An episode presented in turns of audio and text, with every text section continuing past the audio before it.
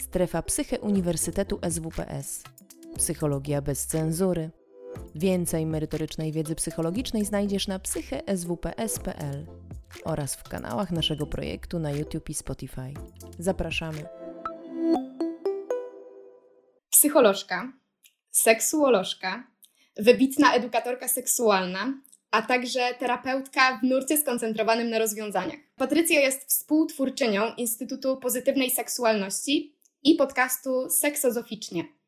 Jest także członkinią Polskiego Towarzystwa Seksuologicznego oraz Polskiego Towarzystwa Naukowego AIDS. Co ważne, Patrycja swoją pracę poświęca profilaktyce zaburzeń psychoseksualnych, szeroko rozumianej edukacji seksualnej i propagowaniu zdrowia seksualnego. Nadrzędną wartością jest dla niej otwartość oraz pozytywne podejście do seksualności. Ja nie wyobrażam sobie kogokolwiek innego na tym miejscu. Przed Wami niezastąpiona Patrycja Wonatowska, z którą będę miała przyjemność dzisiaj porozmawiać. Bardzo dziękuję. To wielki zaszczyt. Przede wszystkim móc uczestniczyć e, w festiwalu.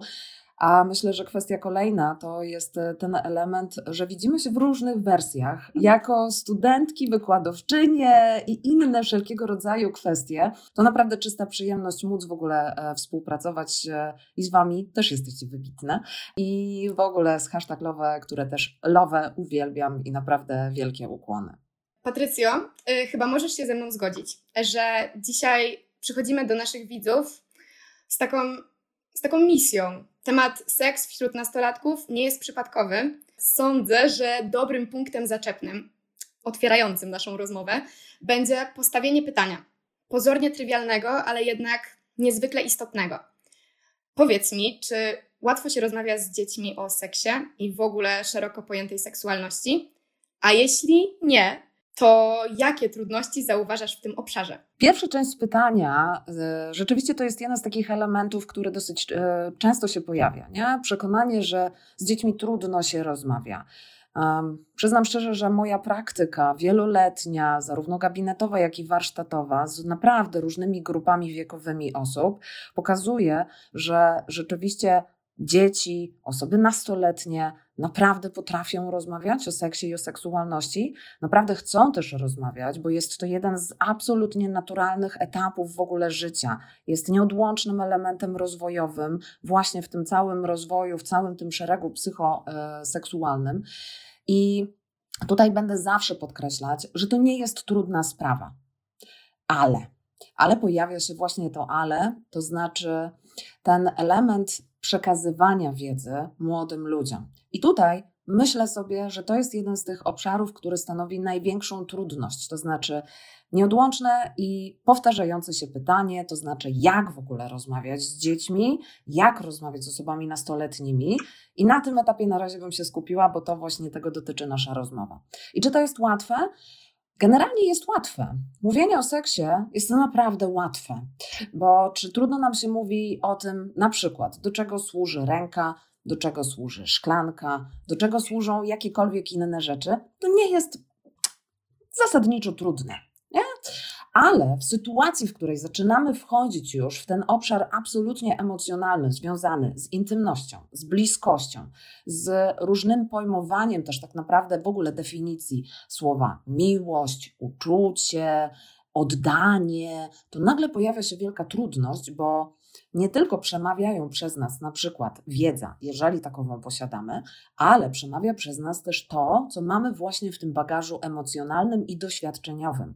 Czyli nasze życie tak naprawdę pokazuje nam, to w jaki sposób w ogóle podchodzimy do seksualności. I mamy bardzo różne doświadczenia, i te doświadczenia bardzo często też wpływają na to, czy mamy łatwość, czy raczej tej łatwości w tym rozmawianiu o seksie i seksualności nie mamy.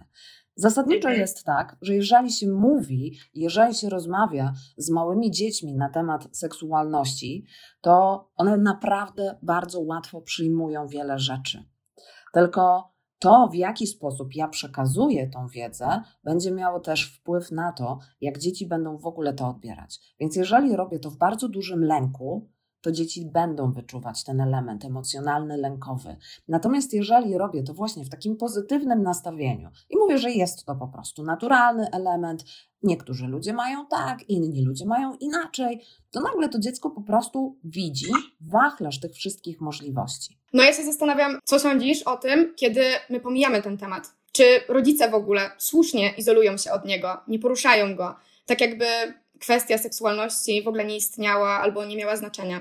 Z mojej perspektywy y, wiem, że to i zdaję sobie sprawę z tego, jak mocnych słów teraz użyję, ale to jest forma przemocy, bo ograniczając jakąś część tego, co jest nieodłącznym elementem życia każdego człowieka, tak naprawdę rzeczywiście popełniam i dokonuję przemoc, e, przemoc też psychiczną, przemoc e, opartą o wiedzę, jakby Zadaniem osób, które uczestniczą w wychowaniu dzieci i osób nastoletnich jest przede wszystkim bycie, zaopatrzenie w wiedzę. Jeżeli młody człowiek nie posiada wiedzy lub nie będzie wyposażony w wiedzę na zasadzie tego, w jaki sposób rozwija się moje ciało, co się w ogóle z moim ciałem dzieje, to, to to jest bardzo duży błąd, to jest bardzo duże ograniczenie.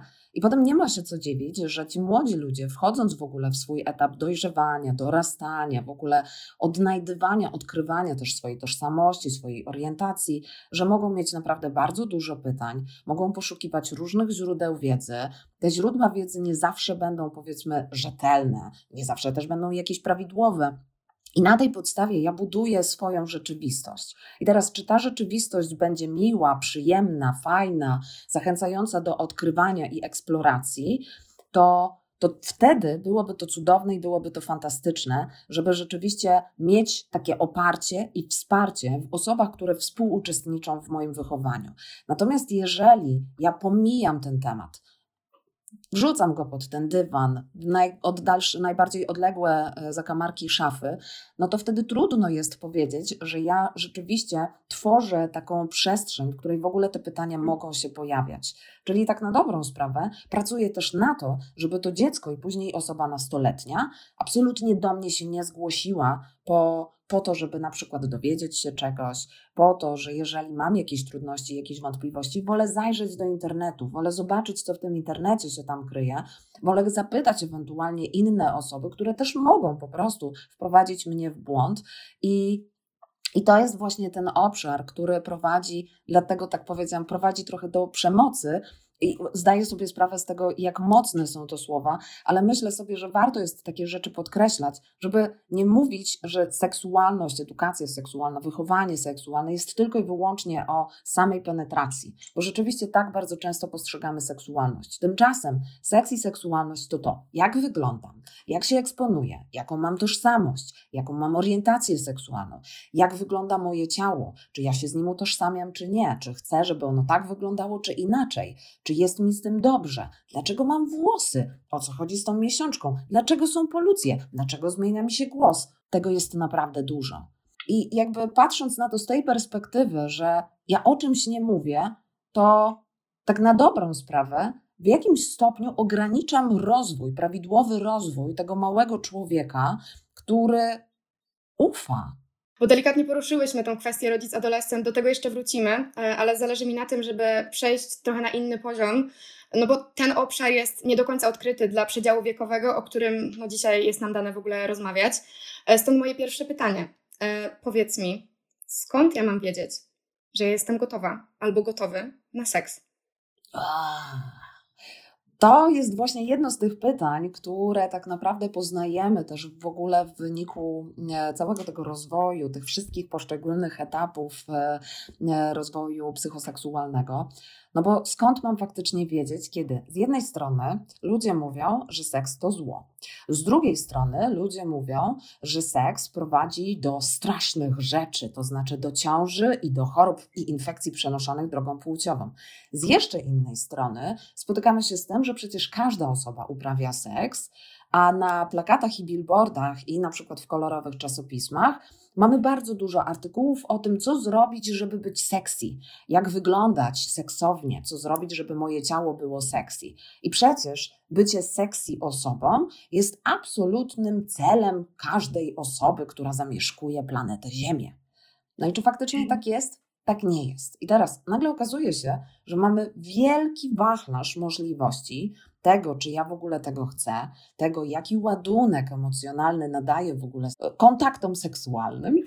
No właśnie, bo tutaj też chodzi nie tylko i wyłącznie o samą, na przykład, nie wiem, penetrację, żeby nie patrzeć na seks i seksualność tylko z perspektywy penetracji, bo też około seksualnie, czy ja w ogóle mam ochotę na to, żeby na przykład drugą osobę czy osoby pocałować nie? To też mhm. jest forma w ogóle bycia w jakimś kontakcie z drugą osobą, tego, co mi to daje, czy mi to sprawia przyjemność, czy mi to nie sprawia przyjemności. Czy ja chcę ewentualnie z tą osobą na przykład podjąć kontakt seksualny? Jeżeli nie, to czy ewentualnie chcę tego później, czy w ogóle nie chcę z tą osobą? Na jakich warunkach, na jakich zasadach, z wykorzystaniem jakiej metody antykoncepcji?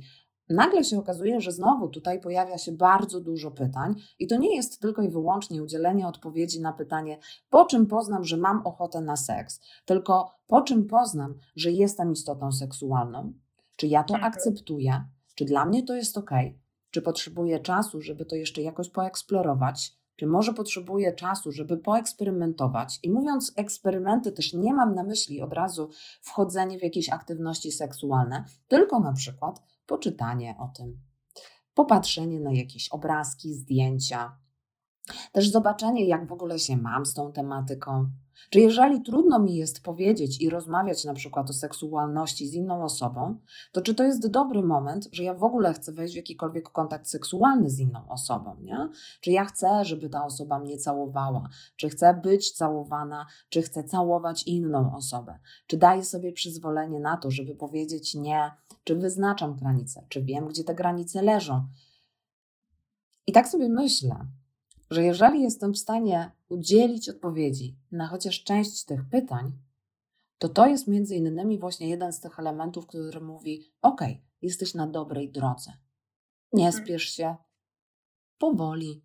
Czyli nawet nie, że jestem gotowy, gotowa, tylko że mam predyspozycję do tego, żeby się taką poczuć. Trochę tak, tro, trochę tak, bo, bo żeby znowu ściągnąć też trochę całe to piętno właśnie tego, że ja muszę być tą istotą seksualną, że ja muszę też podejmować kontakt seksualny. Ja podejrzewam, że pewnie jeszcze będziemy mówić o tym e, pierwszy raz i inne tego typu kwestie. To jest dokładnie ten element, który też pięknie odwzorowuje samo przygotowanie, chęć otwarcia na pewne etapy, ale tego, przez ograniczanie dostępu do wiedzy czy ograniczanie rozmowy na temat seksualności nie osiągniemy, bo wtedy osiągamy efekt absolutnie odwrotny. Czyli to jest trochę tak, że jeżeli wszyscy dookoła mnie uprawiają seks i mówią, że to jest fajne, to dlaczego mam nie próbować? I w mhm. sumie nagle później się okazuje, że jednak podejmuję kontakt seksualny i to wcale nie było takie fajne. Więc mhm. później raczej będę tego unikać, albo będę próbować jeszcze bardziej, jeszcze chętnie jednak wchodzić w jakieś kontakty. I teraz pytanie, czy ja to robię świadomie, czy nieświadomie? Czy rzeczywiście tego chcę, czy tego nie chcę? Więc to są właśnie te elementy, na które absolutnie niewątpliwie warto zwrócić uwagę podczas w ogóle rozmów na temat seksualności z młodymi ludźmi, bo tych źródeł wiedzy jest coraz więcej. Oni naprawdę są inteligentni i inteligentne i naprawdę są w stanie znaleźć bardzo dużo informacji. Tylko niemożność porozmawiania z kimś, kto też jest dla mnie osobą bliską i z którą mam świadomość tego, że ta osoba mnie na przykład nie wyśmieje albo nie zabroni mi czegoś, jest naprawdę dużo większym skarbem, aniżeli to, że zostawiamy młodych ludzi z książkami i generalnie mają się sami wszystkiego nauczyć. To zupełnie w edukacji seksualnej nie o to chodzi. Mhm. No właśnie, bo tam wspomniałaś też e, o tej świadomej zgodzie, nie? I chciałabym się Ciebie spytać, bo wydaje mi się, że wszyscy wokoło mówią, no czy, czy tak naprawdę ta świadom, do tej świadomej zgody doszło, nie? Co to jest ta świadoma zgoda w ogóle? O co z tym chodzi? Jak Ty rozumiesz to pojęcie świadomej zgody? Czym ta świadoma zgoda dla Ciebie, powiedzmy, jest? Poza tym, że ta świadoma zgoda to jest właśnie ten konsent, gdzie każda z osób uczestniczących rzeczywiście wyraża na to zgodę i przyzwolenie, to dla mnie świadoma zgoda to też jest świadoma zgoda na konsekwencje. To znaczy, jeżeli mamy świadomość tego, co może się wydarzyć, e, świadomość tego, że każda z osób może w trakcie danego kontaktu, czy w ogóle jakichś rozmów, zmienić zdanie, i ja mam pełną gotowość i pełne bezpieczeństwo tego, żeby tak się stało, to to jest właśnie ta moja świadoma zgoda. Że ja wiem, że wchodzę w dany kontakt seksualny, czy cokolwiek by to nie było, związane z seksualnością, i wiem, że wchodząc w to z drugą osobą, ja mogę poczuć się bezpiecznie bo to bezpieczeństwo jest efektem czy wynikiem tego, co ja daję w jakimś stopniu, ale też co daje druga osoba. I my wspólnie, czy z innymi osobami, my wspólnie tworzymy właśnie tą przestrzeń bezpieczną, gdzie każda z osób po prostu będzie wiedziała, że cokolwiek by się nie wydarzyło, my zawsze mamy możliwość na przykład wyjść, zrezygnować albo pójść dalej, cokolwiek by to nie było. To dla mnie to jest właśnie ta świadoma zgoda. I też takie Przekonanie, może przekonanie to też jest zbyt mocne słowo, ale też jakby umiejętność odpowiedzenia sobie na pytanie, czy tego chcę. Jeżeli odpowiedź jest raczej twierdząca, to fajnie. Okej, okay. ustal, co ewentualnie jest potrzebne Tobie dalej, żeby wejść w ten kontakt. Nie? Jeżeli odpowiedź jest raczej na nie, to zadbaj o mhm. siebie. Raczej może nie wchodź w ten kontakt seksualny, poczekaj jeszcze chwilę. Znowu pomyśl też, czy byłoby coś, co ewentualnie, o co warto byłoby zadbać, żeby ta świadoma zgoda też miała miejsce. Jeżeli się wahasz, to też poczekaj. Nie? Żeby dać sobie właśnie tą przestrzeń, że okej, okay, jakby ja mogę mieć różne emocje i to jest absolutnie naturalne, bo jeżeli nigdy nie jeździłam na rowerze i nagle ktoś stawia mi rower i mówi, słuchaj, jedź, no to mogę powiedzieć, mm, to będzie szalenie trudne, ale mogę sobie pomyśleć, okej, okay, to mam teraz ten rower.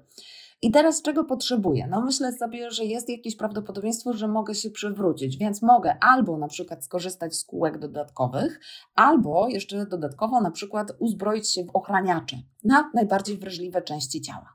Ale mogę sobie też pomyśleć, hmm, może są jakieś książki, albo może są jakieś tutoriale, które ewentualnie pokażą mi, Mogę sobie też pomyśleć, hmm, może jest jakaś osoba w moim środowisku, która już ma takie doświadczenie i mogę sobie z nią porozmawiać może ona da mi jakieś tipy i jakieś wskazówki, które też w jakimś stopniu mi pomogą.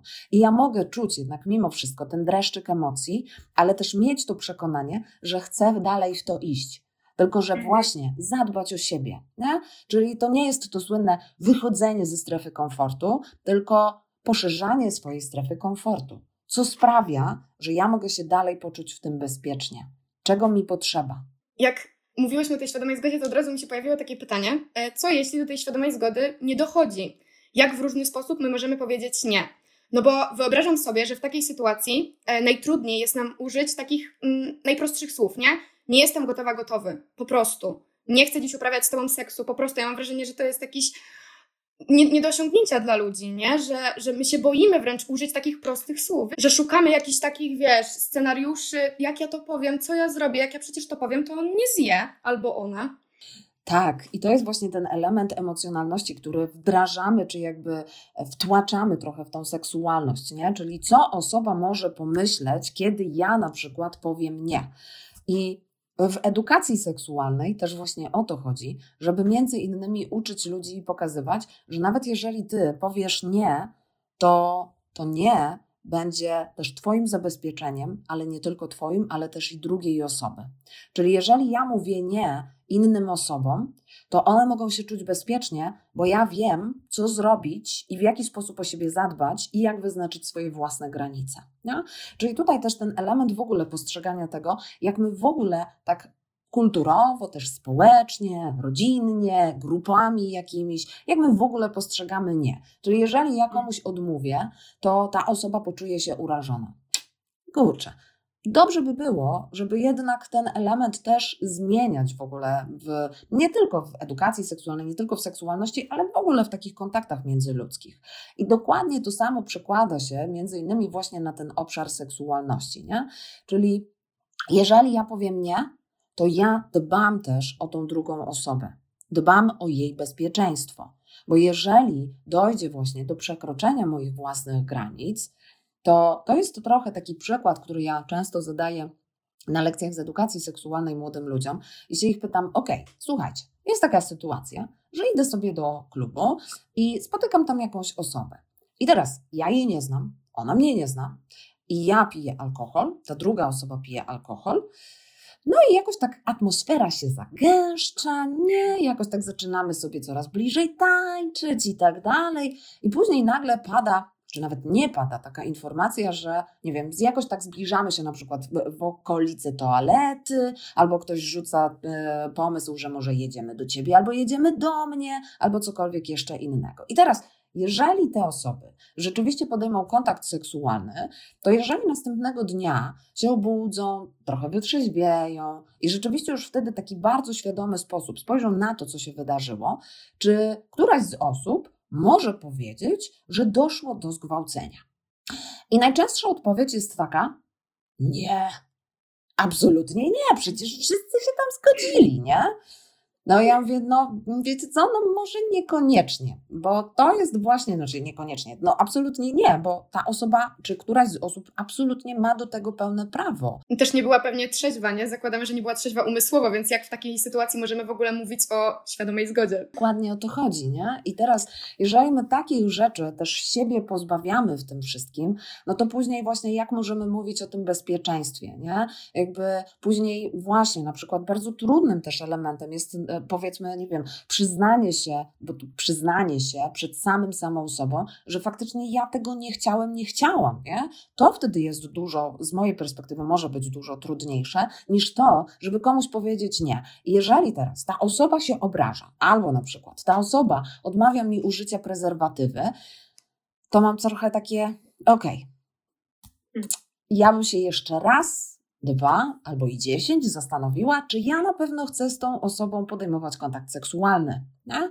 I to jest właśnie to, żeby trochę odwrócić też tą tendencję w ogóle mówienia o edukacji seksualnej, w ogóle o seksualności, że to nie jest tak, że jeżeli któraś z osób pokazuje mi zainteresowanie moją seksualnością, to ja mam to bezwarunkowo iść. Absolutnie nie, bo ja też w tym uczestniczę. I jeżeli ja komuś odpowiem, że nie, a ta druga osoba powie, no to teraz to spadaj, no to jednak ja bym się, tak jak wspomniałam, zastanowiła, czy ja w ogóle chciałabym z tą osobą po raz kolejny jakkolwiek nawiązywać jakikolwiek kontakt, bo nie mam tej pewności, że przy tej osobie będę mogła czuć się bezpiecznie. Bo, bo tutaj też nastąpiło i mogłoby nastąpić dojść do przekroczenia moich własnych granic. Czyli to już jest bardzo ryzykowne. I zastanawiające. Właśnie wydaje mi się, że często spotykamy się z taką informacją, yy tutaj e, wymyśliłam sobie w głowie taki cytat, nie? że ale przecież ja jestem pewna, pewny, że ona, on tego chciała, czy też chciał. I zastanawiam się, skąd w ogóle jest tyle niedomówień, skąd one się pojawiają w naszych głowach. To jest to trochę tak, jak e, pyta się ludzi, zadaje się im pytanie, po czym wiesz, że druga osoba ma ochotę na seks? No przecież widać. Tylko pytanie, co widać, nie? No może widać, że jestem zainteresowana jakąś osobą, bo na przykład na nią patrzę. No ale może się na przykład okazać, że ja patrzę na tą osobę, bo ma fenomenalne oprawki okularów i nie mogę oderwać wzroku od niej, nie? Albo na przykład ma świetnie skrojony na przykład, nie wiem, marynarkę i ja tak patrzę na to z taką zazdrością, że tak bardzo chciałabym ją mieć, nie? Więc jakby tutaj już można zobaczyć, że właśnie to jest ten element, w którym może dojść do zniekształceń poznawczych, czyli tego, w jaki sposób ja pewne rzeczy odbieram, jakie nadaję im znaczenie i jak ewentualnie, jaki impuls do mnie wraca, i ja sobie mogę piękną historię dopisać. Ale w sytuacji, w której ja nie mam potwierdzenia, Najczęściej, znaczy najlepiej byłoby, gdyby to było werbalne, szczególnie jeżeli na przykład dane osoby się nie znają, żeby tak, żeby każda ze stron mogła faktycznie odpowiedzieć, czy mam na to ochotę. Też, nie wiem, przykładowo, jeżeli, będę, będę panią metaforą, e, jeżeli na przykład e, idziemy do wesołego miasteczka, nie? i teraz jakieś e, mniejsze atrakcje w tym wesołym miasteczku nie są dla mnie problemem, ale nagle ktoś do mnie mówi: Słuchaj, bo tam jest największa, najszybsza w ogóle zjeżdżalnia, idziemy. I ja sobie tak myślę, hmm, hmm, może niekoniecznie. I ta osoba nie słyszy ode mnie tak lub nie, ale chwyta mnie za rękę i ciągnie mnie, i ja idę. I teraz to też pokazuje, jak różne mogą być reakcje, właśnie jeżeli chodzi o taki element zastanowienia, tego, czy ja w ogóle chcę w daną sytuację wejść, czy nie, bo różnie może jako człowiek możemy zareagować. I teraz, czy ja tego rzeczywiście chciałam? No ktoś może mi powiedzieć, ta druga osoba może mi w takim układzie powiedzieć, no ale przecież nie, nie powiedziałaś nic i nie przytrzymałaś się krzesła, żebym cię dalej na przykład nie popychał, popychała, nie? E, no, no, no właśnie. Jeżeli też, tak sobie myślę, tu znowu taka dbałość pomiędzy jedną a drugą osobą. Jeżeli ta osoba nie jest w stanie mi tego od, na to pytanie, czy chce uprawiać z tobą seks, odpowiedzieć, to naprawdę z mojej perspektywy warto zadbać i o tą drugą osobę, czy osoby, i o samego samą siebie. Nie? Mhm. Tylko teraz, właśnie jeżeli nie rozmawiamy na ten temat z młodymi ludźmi, to skąd oni mają to wiedzieć? Że ja mam prawo w ogóle powiedzieć nie, że ja mam prawo się sprzeciwić, nie? Więc tutaj rzeczywiście pojawia się ten e, wątek właśnie tego, że jeżeli dorosłe osoby nie rozmawiają o seksie, seksualności, wyznaczaniu granic, to tak naprawdę przyczyniają się trochę do tego, że później ta osoba może doświadczyć przemocy seksualnej to my się wtedy do tego przyczyniamy. Czyli jeżeli tak naprawdę nie dajemy młodym ludziom e, dostępu do rzetelnej edukacji seksualnej, przyczyniamy się do tego, że oni będą doświadczać przemocy na różnych obszarach, bo to jest kolejna rzecz, czyli znowu seksualność to nie tylko seks, ale też seksualność to też na przykład wchodzenie w związki, w relacje. Mhm. Czyli jeżeli kto, któraś z osób na przykład do mnie powie, słuchaj, bo ty musisz mi wysłać swoje nagie zdjęcie, bo jak mi tego nie zrobisz, nie wyślesz mi tego, to znaczy, że mnie nie kochasz albo ci na mnie nie zależy. Piękny przykład manipulacji. Prawda? Tylko znowu, skąd młodzi ludzie mają wiedzieć to, że to nie jest okej, okay, że to bardzo nie mhm. jest okej. Okay. Mogą obserwować różne rzeczy w domu i jasne, ale mogą też nie wiedzieć o takich rzeczach, mogą nie widzieć takich rzeczy, mogą nie mieć zielonego pojęcia, że ta druga osoba właśnie w ten sposób kimś manipuluje i że ja nie muszę w żaden sposób się temu poddawać, wręcz przeciwnie. Moim zadaniem jest też zadbać przede wszystkim o siebie. Tylko to jest właśnie edukacja seksualna, to jest seksualność. A znowu, jeżeli tego nie dajemy młodym ludziom, to trochę skazujemy ich właśnie na to, żeby mhm. doświadczali też takich rzeczy. No właśnie, bo tak wspomniałaś o tym wesołym miasteczku i o tej super, wspaniałej, szybkiej atrakcji. I w tym momencie yy, wspomniałaś też o tym, że ten moment, kiedy druga osoba nam mówi w sumie tak nie do końca nie, nie mówi też tak, yy, i my tak naprawdę w sumie nie wiemy, czy ta druga osoba tego chce, czy też nie chce. No i tutaj się zastanawiam, dlaczego jest taki problem z przyjęciem czy też niepewności, czy takiej odmowy ze strony drugiej osoby. Czemu w ogóle słowo nie albo nie wiem, nie jestem pewna, po prostu nie wiem, e, odnalazło tyle dróg interpretacji? No bo tak jak na samym początku wspomniałaś też, że nie nie musi oznaczać tak naprawdę nie w ogóle, tylko po prostu na przykład nie teraz, y, poczekam chwilę, może zaraz, y, później jutro jej się zachce i y, po prostu wtedy dojdzie do tego seksu, czy też do szeroko pojętej jakiejś intymności między nami. I teraz dlaczego się tak dzieje? E, dzieje się bardzo często dlatego, że ludzie nie wiedzą, jak sobie poradzić z tą odmową i z tym nie.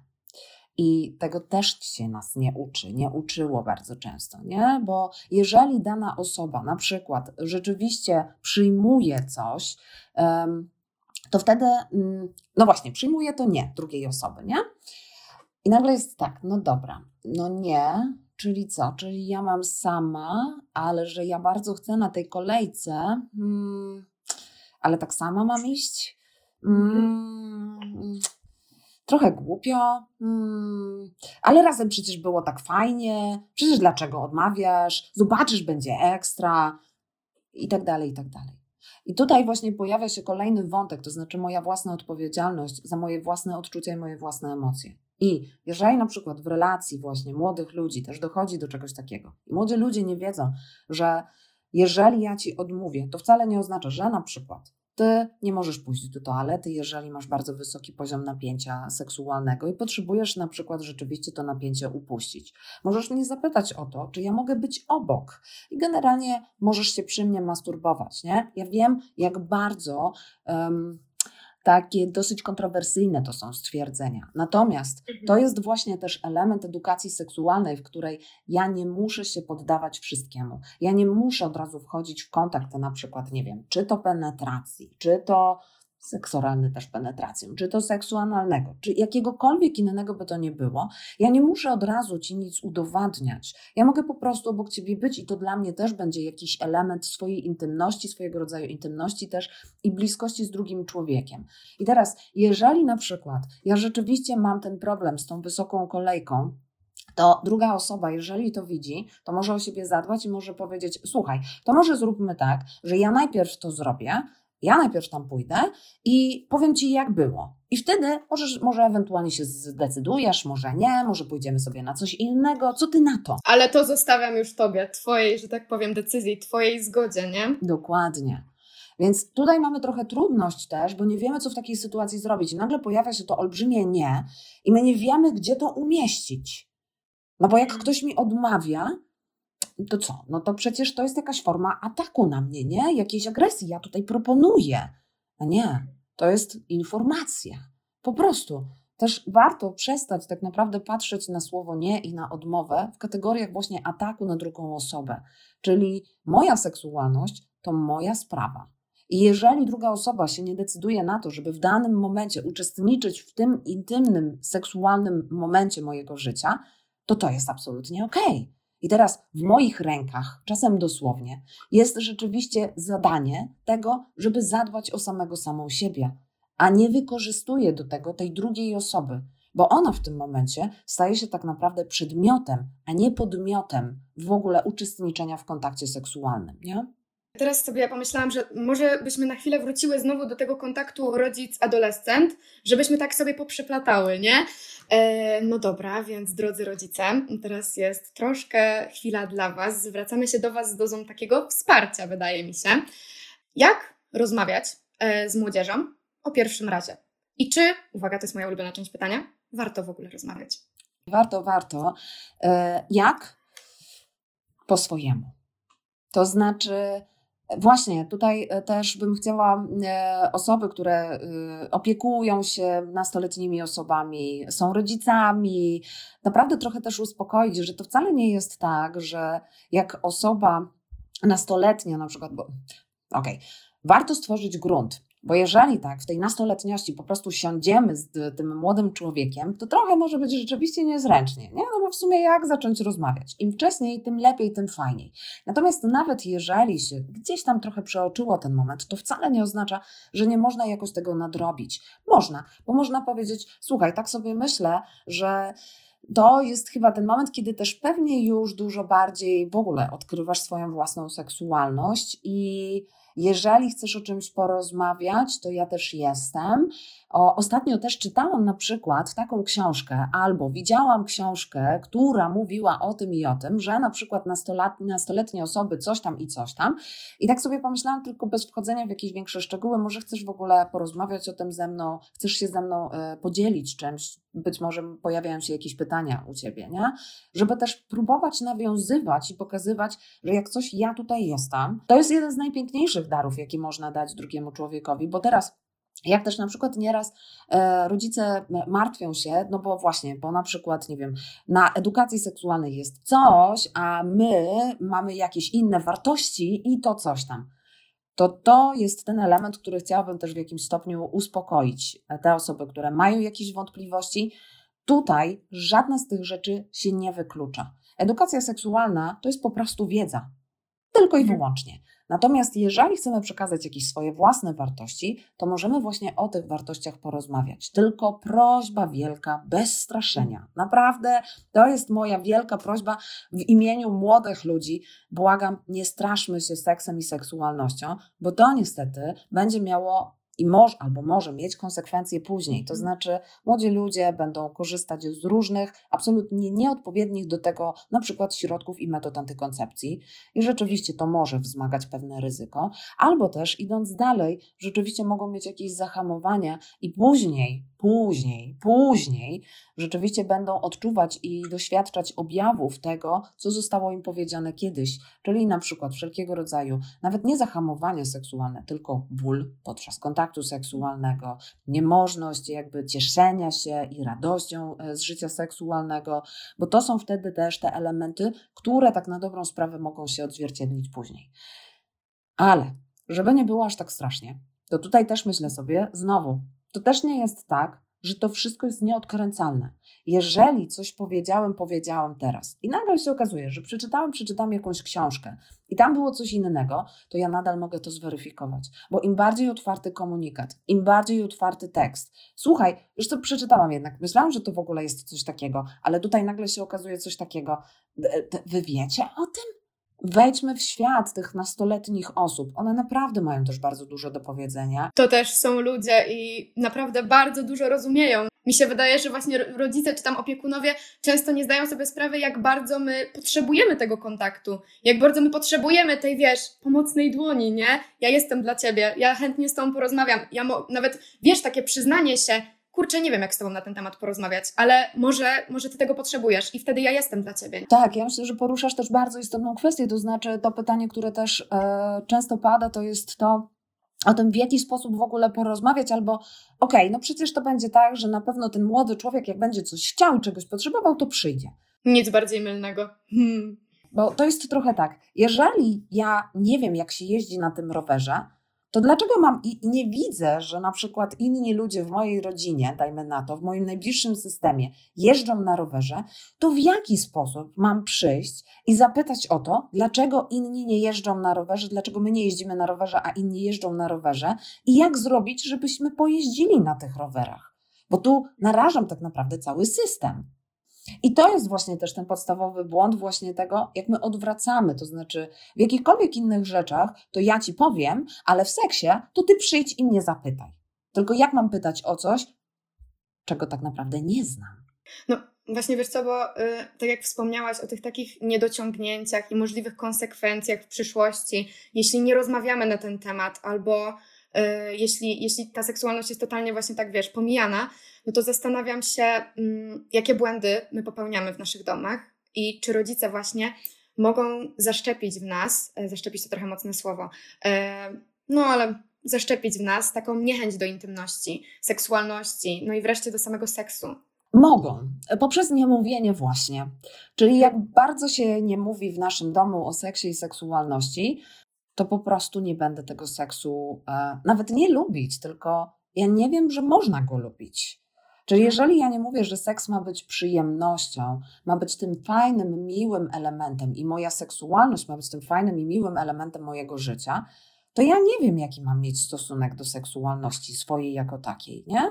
Jest wtedy większe prawdopodobieństwo właśnie tego, że będę wchodzić też w jakieś role, na przykład płciowe, no bo ja nie wiem, że można wybierać, nie? Ja nie wiem, że można na przykład nie lubić czegoś. Ja nie wiem, że na przykład, nie wiem, całowanie jest ohydne i paskudne, bo wszyscy się całują i nikt nie daje mi tej alternatywy. Więc tutaj to doświadczanie właśnie tych różnych możliwości, że możesz mieć tak, możesz mieć inaczej i zastanów się, co ewentualnie, jak sobie myślisz na przykład o całowaniu, to co ci przychodzi do głowy, nie? I tutaj już możemy zacząć też rozmawiać na temat w ogóle wyobrażeń, uczyć tak naprawdę też ludzi tego, żeby też umieli mówić w ogóle o swoich emocjach wokół seksualności, o swoich emocjach wokół na przykład relacji, co to znaczy intymność, co to znaczy bliskość. To nie jest tak, że po prostu sobie myślimy, no okej, okay, jesteśmy w relacji, po prostu jest miło i przyjemnie i to jest intymne, a seks w relacji jest intymny i bliski. Koniec, kropka. Uf, nie. Bo dla młodego człowieka, który dopiero wchodzi też w pewne rzeczy, zaczynają mu się podobać inni ludzie. Dlaczego tacy ludzie mi się podobają? Dlaczego inni nie? A dlaczego nagle moje ciało się zmienia? I nagle się okazuje, że tych pytań jest naprawdę od groma i ciut. I ja muszę na większość tych pytań w jakimś stopniu poszukać swoich własnych definicji. Jeżeli nie mam właśnie tego zaplecza w postaci możliwości zapytania drugiej osoby, dorosłej osoby, która być może pewne rzeczy przeżyła albo będzie wiedziała, gdzie mogę tego poszukać, to jestem pozostawiona sama sobie, sam sobie. Pierwszy raz dla młodego człowieka, wydaje mi się, że możesz się ze mną tutaj zgodzić, e, który to tak jak wspominałaś już, że on dopiero eksploruje swoją seksualność, w ogóle odkrywa sam siebie, jest niewątpliwie dużym krokiem w dorosłość. E, no i właśnie wtedy e, nierzadko doświadczamy takich wizji, e, romantyzujemy ten pierwszy raz, tworzymy jakieś scenariusze, jak chcemy, żeby on wyglądał. No i powiedz mi, Patrycjo, co ty o tym sądzisz? czy to jest w ogóle pomocne, a może właśnie na odwrót? może naraża nas to na, na takie rozczarowanie? No bo przecież nieważne jak bardzo byśmy chcieli, samo życie e, nie możemy wszystkiego przewidzieć. Mhm. Tak, ja myślę, że e, to jest trochę tak. Jeżeli też mówimy o tym, w jaki sposób rodzice w ogóle warto, żeby mówili o pierwszym razie, to tutaj bez wchodzenia w szczegóły, zostawcie też jakąś dozę intymności e, tym młodym ludziom. Niech oni sami sobie pewne rzeczy poodkrywają. Możecie tylko i wyłącznie ja na przykład tak mówię, uświadamiać ich pod względem tego, że to, co na przykład widzicie w internecie, to, co widzicie gdzieś w jakichś mediach i tak dalej, może, nie musi, ale może odbiegać od rzeczywistości. Może być tak, że to będzie fantastyczny, romantyczny pierwszy raz, ale to wasza energia, czyli was jako ludzi, którzy wchodzą w ten kontakt, jest bardzo istotna. Co zrobicie, jak będziecie o siebie dbać, w jaki sposób tak naprawdę i co pomoże wam rzeczywiście zadbać o ten pierwszy raz. Ale jeżeli wizja mojego pierwszego razu jest tylko i wyłącznie oparta właśnie na tym, co mam w internecie, to tam faktycznie, tak jak powiedziałeś, ja się tak mocno skrzywiłam o tym zromantyzowaniu tego wszystkiego, mm. nie? Bo Jedną z podstawowych rzeczy, które ja na przykład mówię, jest to, że warto jednak zrezygnować ze świec, bo może być mhm. niebezpiecznie, że pierwszy raz, ale że jakby jakaś forma też doświadczania, nowego doświadczenia, doświadczenia, doświadczenia, ale nowego y, wydarzenia w moim życiu ma być po prostu jak najbardziej bezpieczna. Czyli lepiej te świece zostawić na przykład na kolację, kiedy nie będziemy pochłonięci zupełnie czymś innym.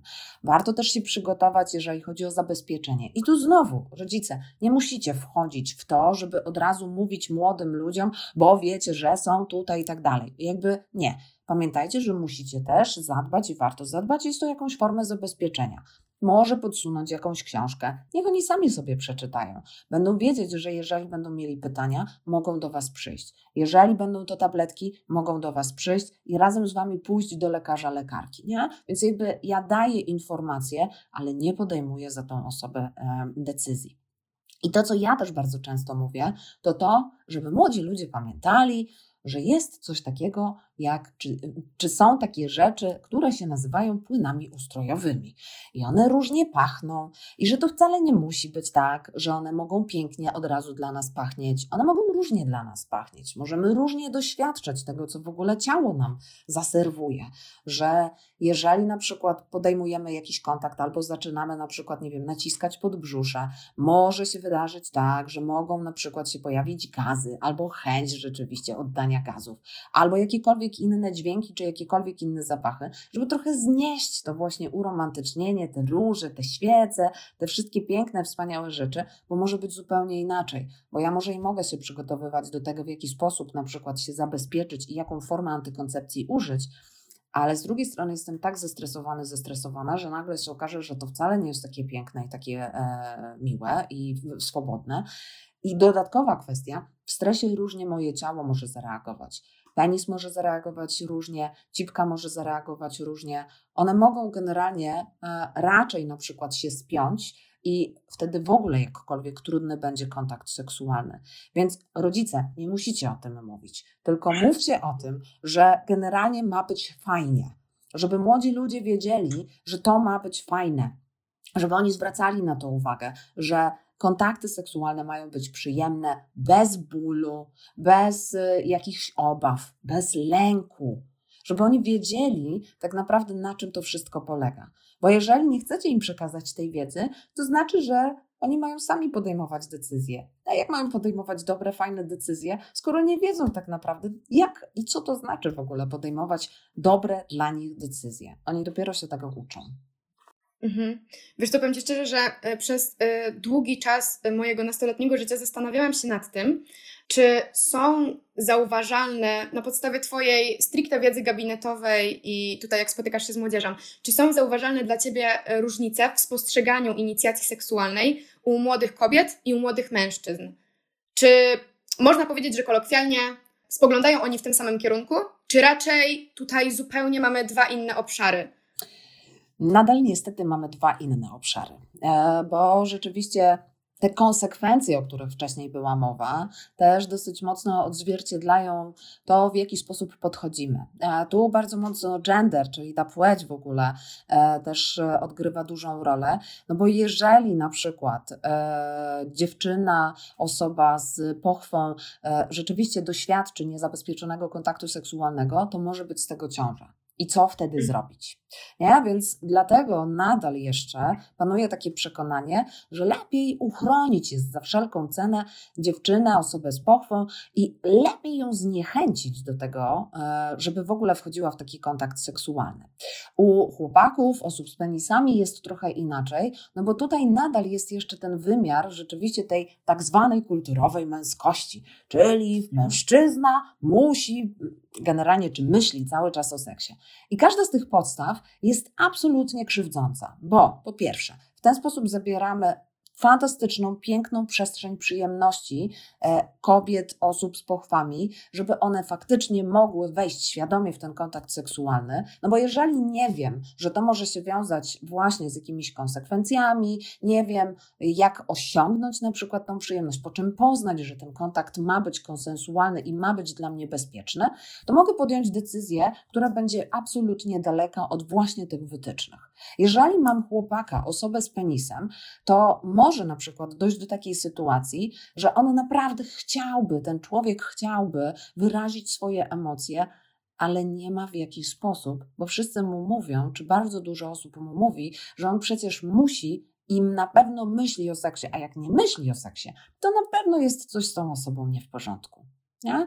Więc to jest jedna kwestia. Druga kwestia to jest na przykład jeszcze nadal zdarzają się te historie, że e, chłopakom, e, osobom z penisami są podsuwane prezerwatywy i generalnie masz i użyj. A jak potrzebujesz, to daj znać i ci kupimy.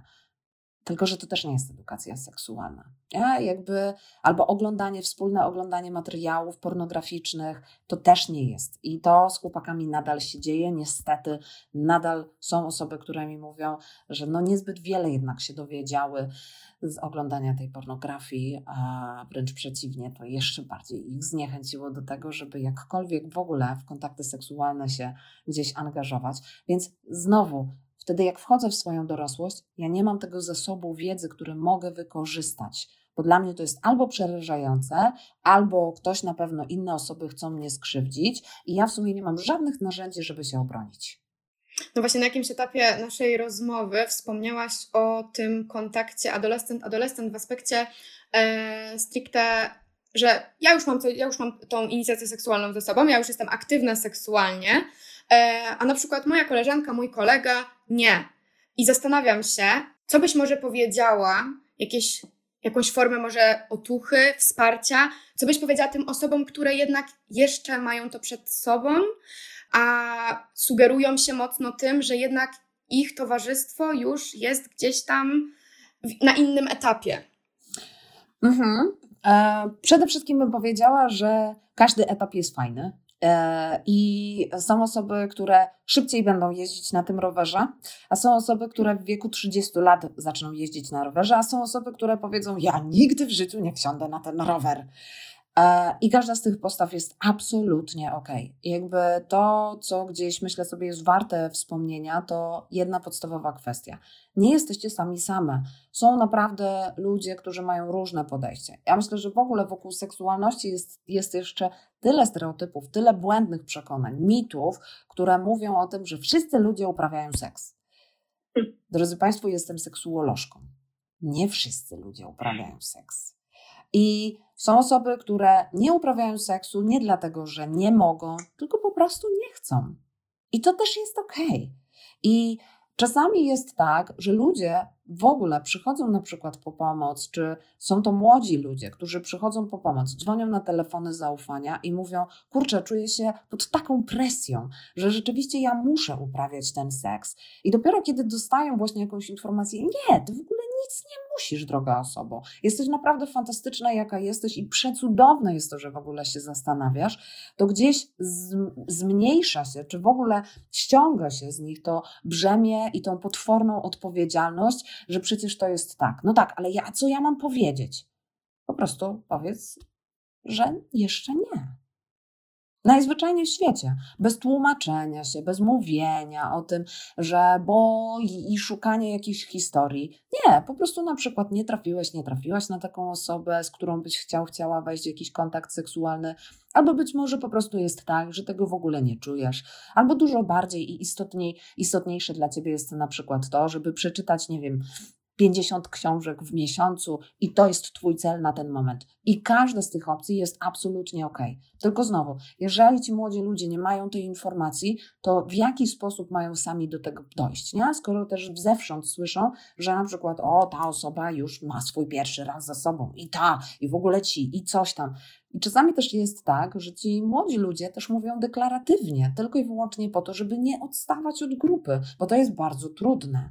Więc wtedy warto jest znaleźć też jakąś grupę, w której też będzie się miało właśnie swoje własne, czy to zainteresowania, czy podejście, czy nie wiem, kolor t-shirtu, no jakby cokolwiek innego by to nie było. Coś, co też nas łączy, nie?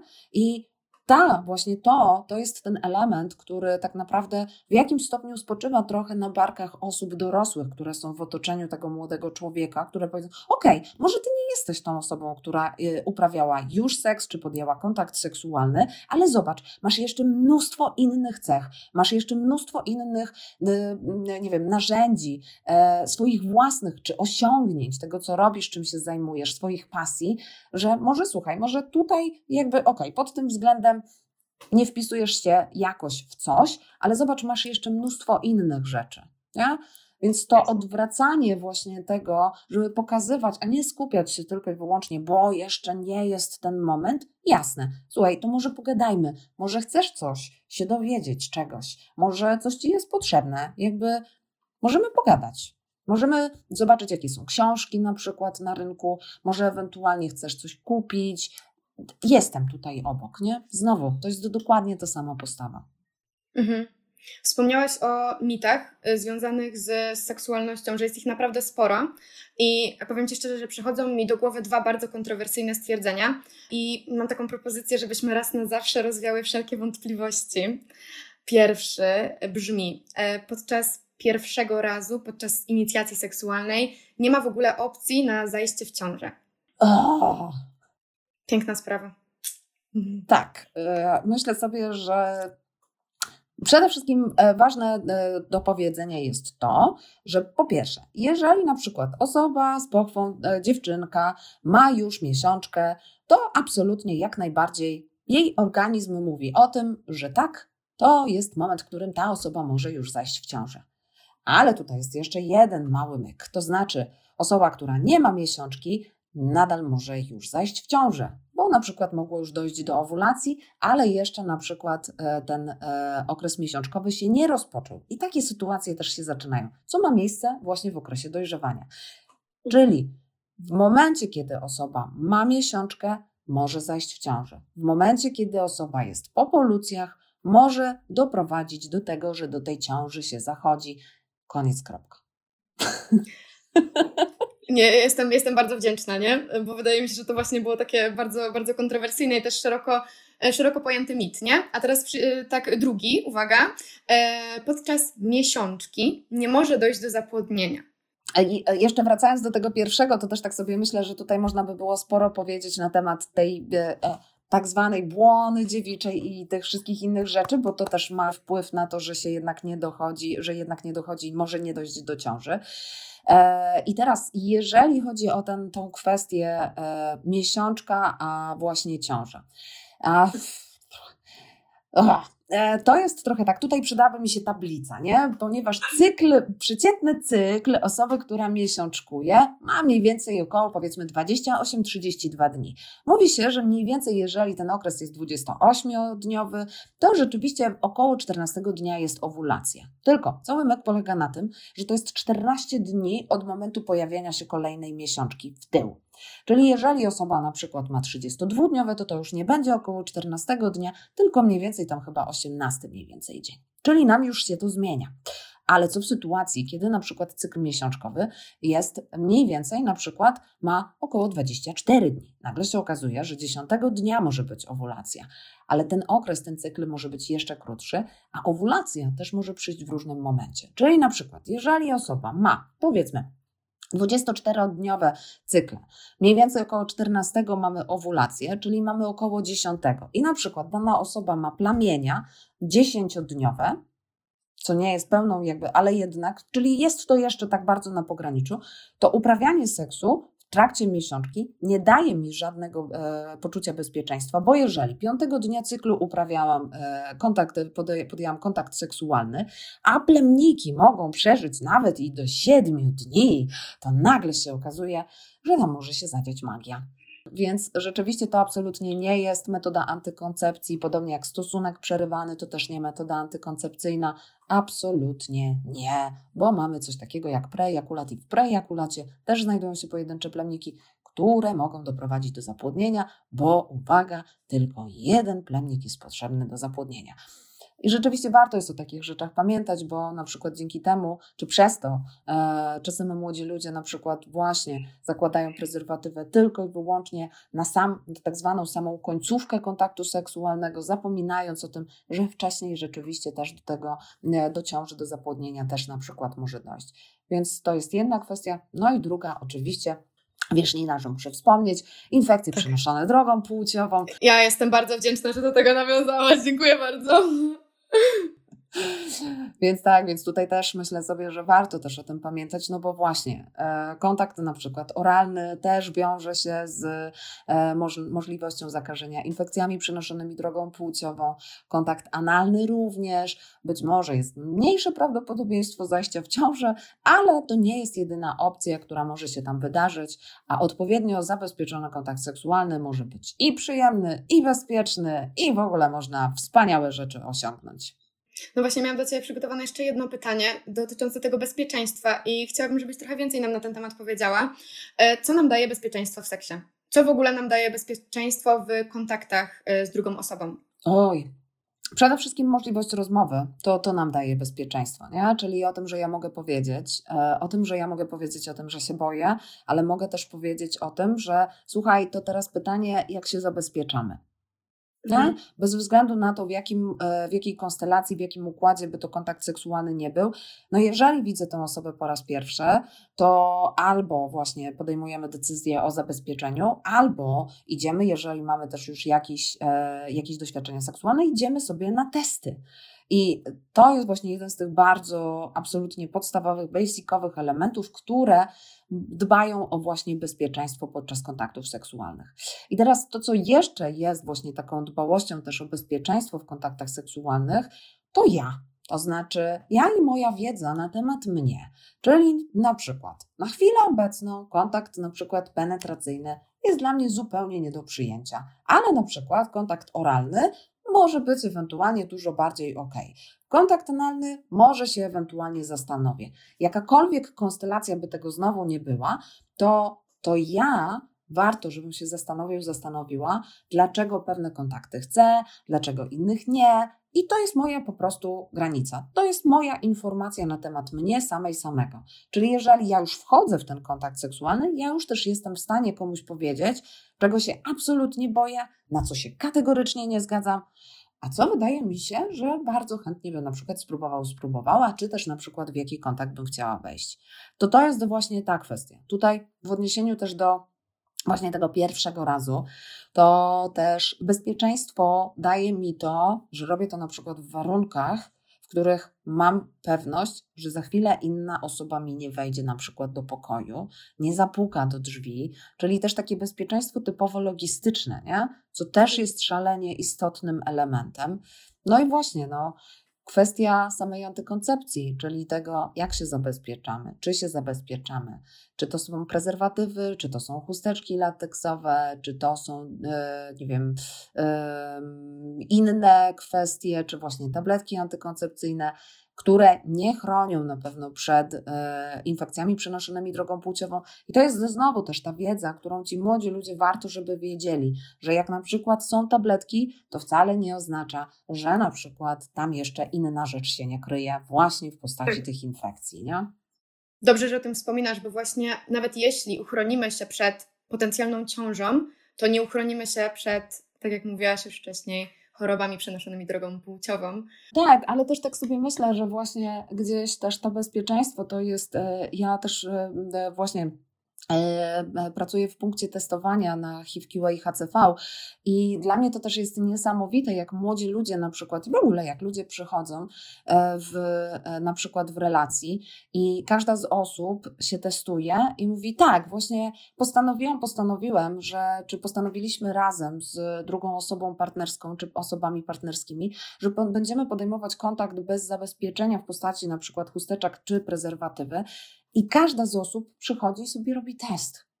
To mhm. jest po prostu dla mnie absolutny fenomen i to jest piękna sprawa, piękna sytuacja, mhm. bo my się nie boimy. Ja się nie boję pokazać Tobie testów, Ty się nie boisz pokazać mi. To jest absolutnie otwarte. Ja dbam o Twoje bezpieczeństwo, Ty dbasz o moje bezpieczeństwo. Super sprawa. Czy to nie jest mhm. wtedy właśnie dowód intymności i bliskości? No więcej niż milion nudesów.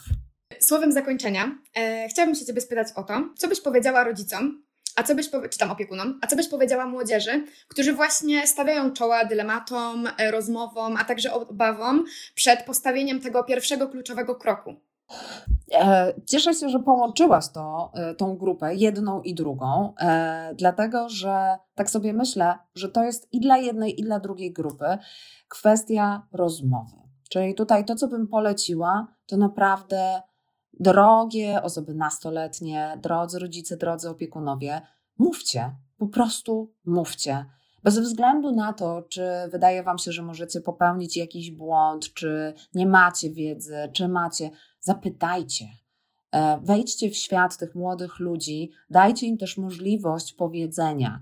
E, I tak samo młodzi ludzie, rozmawiajcie z nimi, bo to też jest ważne, a jak nie, to może będą w stanie też podpowiedzieć, pomóc, e, tak naprawdę mm, gdzieś. E, e, wystarczy tutaj doza mojej, z mojej perspektywy jakiegoś, jakiejś formy też zaufania, tego w jaki sposób w ogóle chcemy wejść w ten kontakt. Więc taką podstawową kwestią jest, nie obawiajcie się, że popełnicie błąd, tylko po prostu rozmawiajcie na temat edukacji seksualnej, seksualności. I nie patrzcie na seksualność tylko i wyłącznie z perspektywy tego, że to chodzi tylko o uprawianie seksu. Patrzcie na to z perspektywy tego, że to jesteście wy. I to jest cały wasz rozwój. To jest wasza bliskość, wasza intymność, pocałunki, kontakt seksualny, wchodzenie w relacje, ubiór, sposób komunikacji, to z kim chcecie wchodzić w kontakty seksualne, czy wiecie na temat e, antykoncepcji, infekcji przenoszonych drogą płciową, czy zastanawialiście i zastanawiałyście się na temat ciąży, cokolwiek by to nie było, po prostu rozmawiajcie. Pewna osoba napisała, że pierwszy raz to dopiero start, początek, przereklamowana sprawa, wprowadzenie, lepiej nie mieć oczekiwań i po prostu otworzyć się na doświadczenie. Super spostrzeżenie, nie? Absolutnie, no. to, to jest właśnie też ten element tego, że nie mamy się od razu napinać, że to będzie takie piękne i fantastyczne. Absolutnie nie. Wręcz przeciwnie, właśnie powiedzieć, że może być do niczego. Tutaj mamy następną wiadomość, że wszystko ładnie, pięknie, ale rzeczy, o których Panie mówią, jest tylko określeniem problemów, o których większość osób wie. Kwestią istotną jest, jak to zrobić, przekazać wiedzę nastolatkom, gdzie obecni rodzice plus minus 40 lat byli znalezieni w kapuście, od masturbacji odpadały ręce, a seks był obowiązkiem matek w, macie- w małżeństwie. Podstawą jest, by wprowadzić edukację do szkół lub poprzez takie spotkania rodzicom, ale nie mówiąc, co jest nie tak, a pokazać, jak powinno być dobrze, jak to przekazać nastolatkom, dla których każde słowa rodzica jest dla. là Tak, ale też zachęcałabym do tego, żeby spojrzeć na to z szerszej. Ja zdaję sobie sprawę, ja jestem tą osobą, która seksualizuje e, te nastoletnie osoby, bo chodzę do szkół i edukuję, e, znaczy ja o tyle, o ile mogę. Natomiast e, to jest też kwestia tego, że nawet jeżeli w tych szkołach się tam nie odbywa, my staramy się walczyć, jakby pokazywać właśnie, jak bardzo to jest istotne, ale jeżeli nie, to też tak sobie myślę, właśnie tego typu webinary, spotkania w ogóle online, online.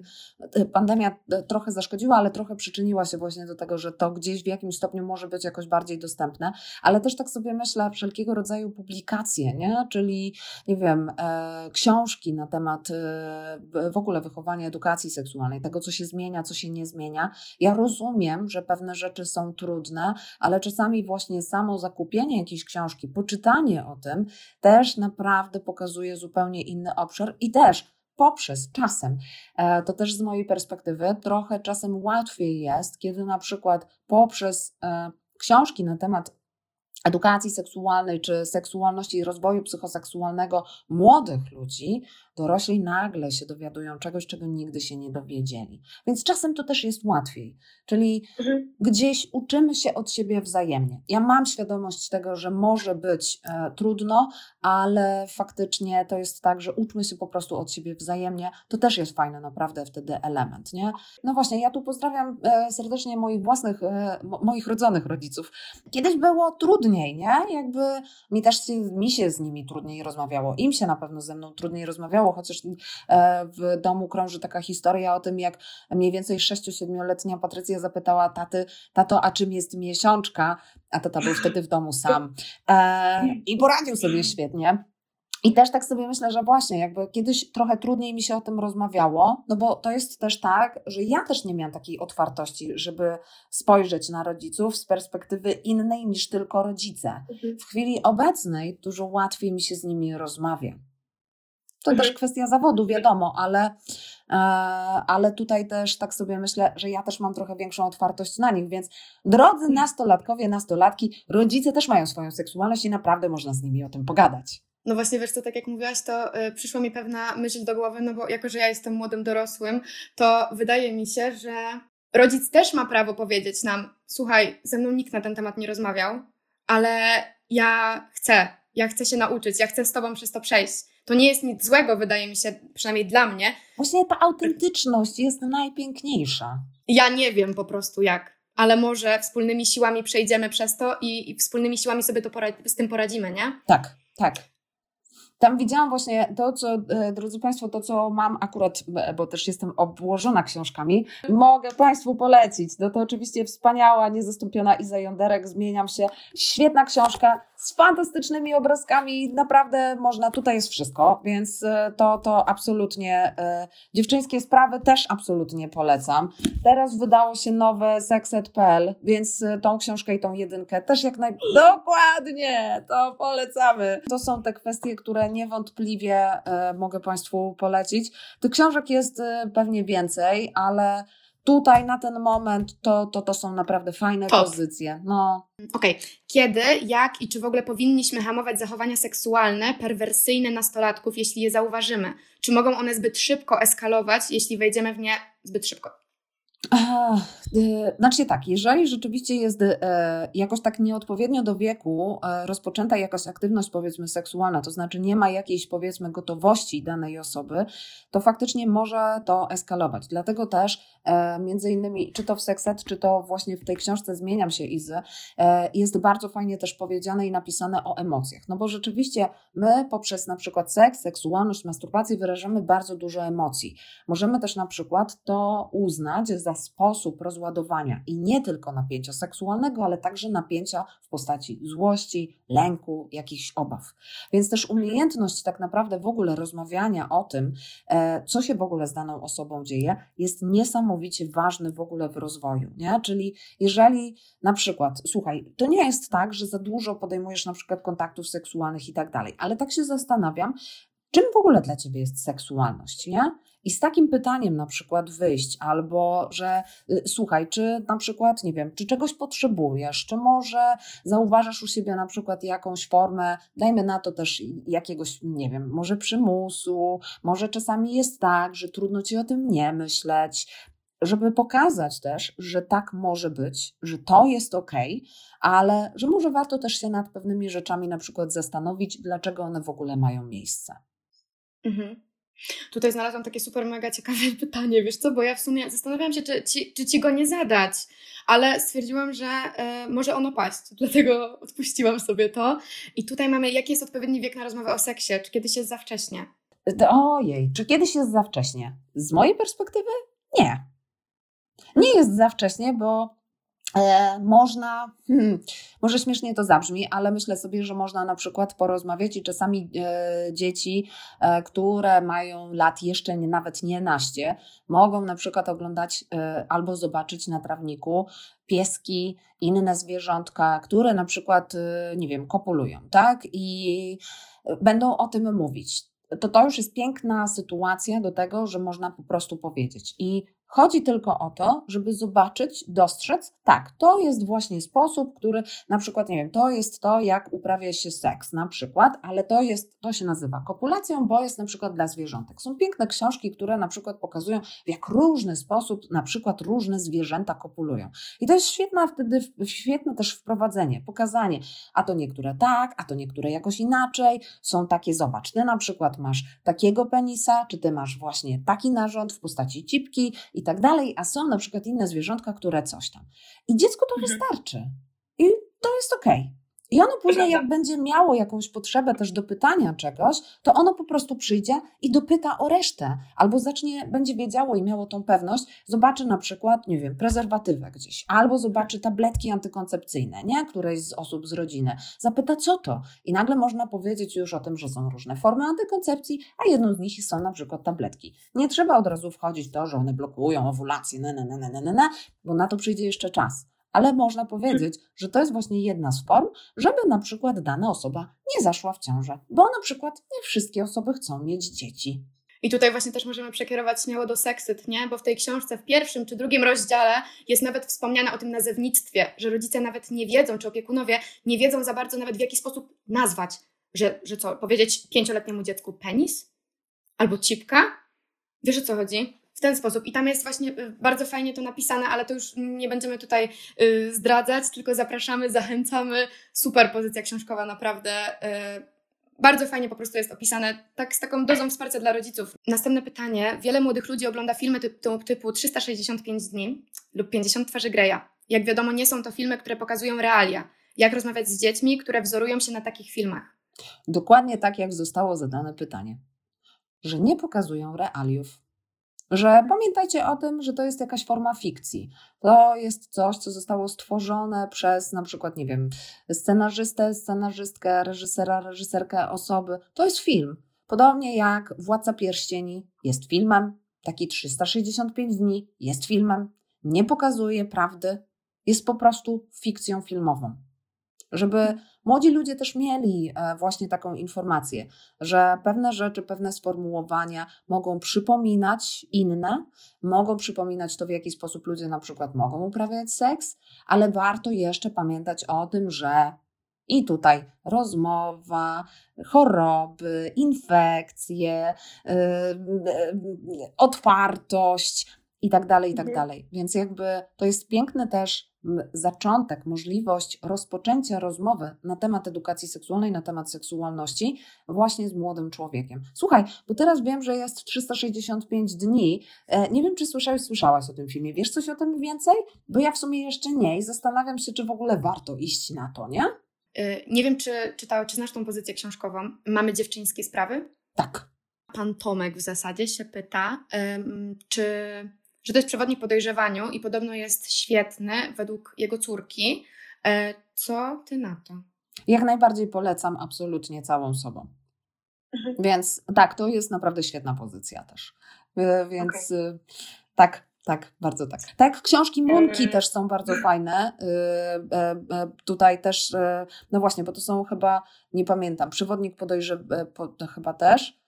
W każdym razie, jak wejdziecie na stronę Munka, PL, to tam jest właśnie przewodnik e, po dojrzewaniu dla dziewcząt i dla chłopców. To też są świetne pozycje, tam są też jakieś karty, wiem z tego co pamiętam, więc mhm. też absolutnie polecam. E, fan, fantastyczna, fenomenalna rzecz. Ostatnie jedno pytanie do Ciebie i ja sobie pozwolę zadać jeszcze pytanie od y, Pani Pauliny.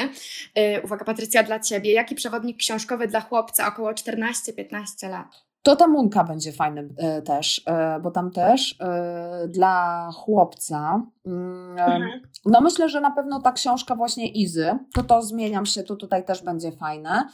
E, zastanawiam się, e, też przede wszystkim myślę sobie, że ja bym w ogóle tego nie rozdzielała. To znaczy, że jeżeli jest to chłopiec, to też e, to wcale nie oznacza, że nie może czegoś. Rozumiem, że tam też dużo takich rzeczy będzie, których na przykład nie będzie u osób tutaj różnice anatomiczne, nie? Natomiast 14-15 lat, to to już będzie ten moment, kiedy rzeczywiście raczej już jest po polucjach albo tak mniej więcej końcówka polucji, więc dobrze by było, bo tu pytanie wtedy, co byśmy, co chcemy osiągnąć właśnie poprzez pozycję książkową dla akurat tej grupy wiekowej. Co tam się takiego dzieje też, że mhm. na przykład e, chciałaby Pani polecić jakąś książkę, nie? Bo to jest świetne pytanie, tylko też tak sobie myślę, że nie musi Pani tego tutaj pisać. Ja też jestem w mediach społecznościowych, więc może Pani śmiało do mnie napisać. Postaram się wtedy odpowiedzieć, ale tu od razu tłumaczę, że to wtedy jest trochę trudniejsze, bo co by Pani przez tą pozycję chciała wtedy też osiągnąć, nie? Więc jakby ja się też polecam, absolutnie proszę pisać. Oj, mam wrażenie cały czas, że my nie wyczerpałyśmy tego tematu. Nie, nie dałybyśmy rady. Jestem Ci, Patrycjo, bardzo, ale to bardzo wdzięczna przede wszystkim za takie zaangażowanie w udzielanie odpowiedzi. E, no i w ogóle mm, za, za całokształt, za to, że byłaś i towarzyszyłaś nam w tym y, rozpoczęciu naszego festiwalu. Dziękuję Ci bardzo y, i no pewnie do zobaczenia. Ja raz jeszcze dziękuję za zaproszenie. To była absolutnie czysta przyjemność. E, cieszę się, że z, z, takim przytupem mogłam właśnie, wspominając tutaj e, dużo osób e, zaproszonych, więc tym bardziej cieszę się, że tak pięknie mogłam zaprezentować kolejne osoby i już Państwu zazdroszczę, że będziecie Państwo mogli przysłuchiwać się kolejnym rozmowom. Życzę naprawdę dobrego czasu na festiwalu i polecam śledzić też poczynania hashtaglowe, bo bo, ja sama chętnie e, korzystam i ja bardzo lubię Wasze grafiki, więc e, e, powodzenia we wszystkim i dziękuję za wszystko. Dziękuję bardzo jeszcze raz.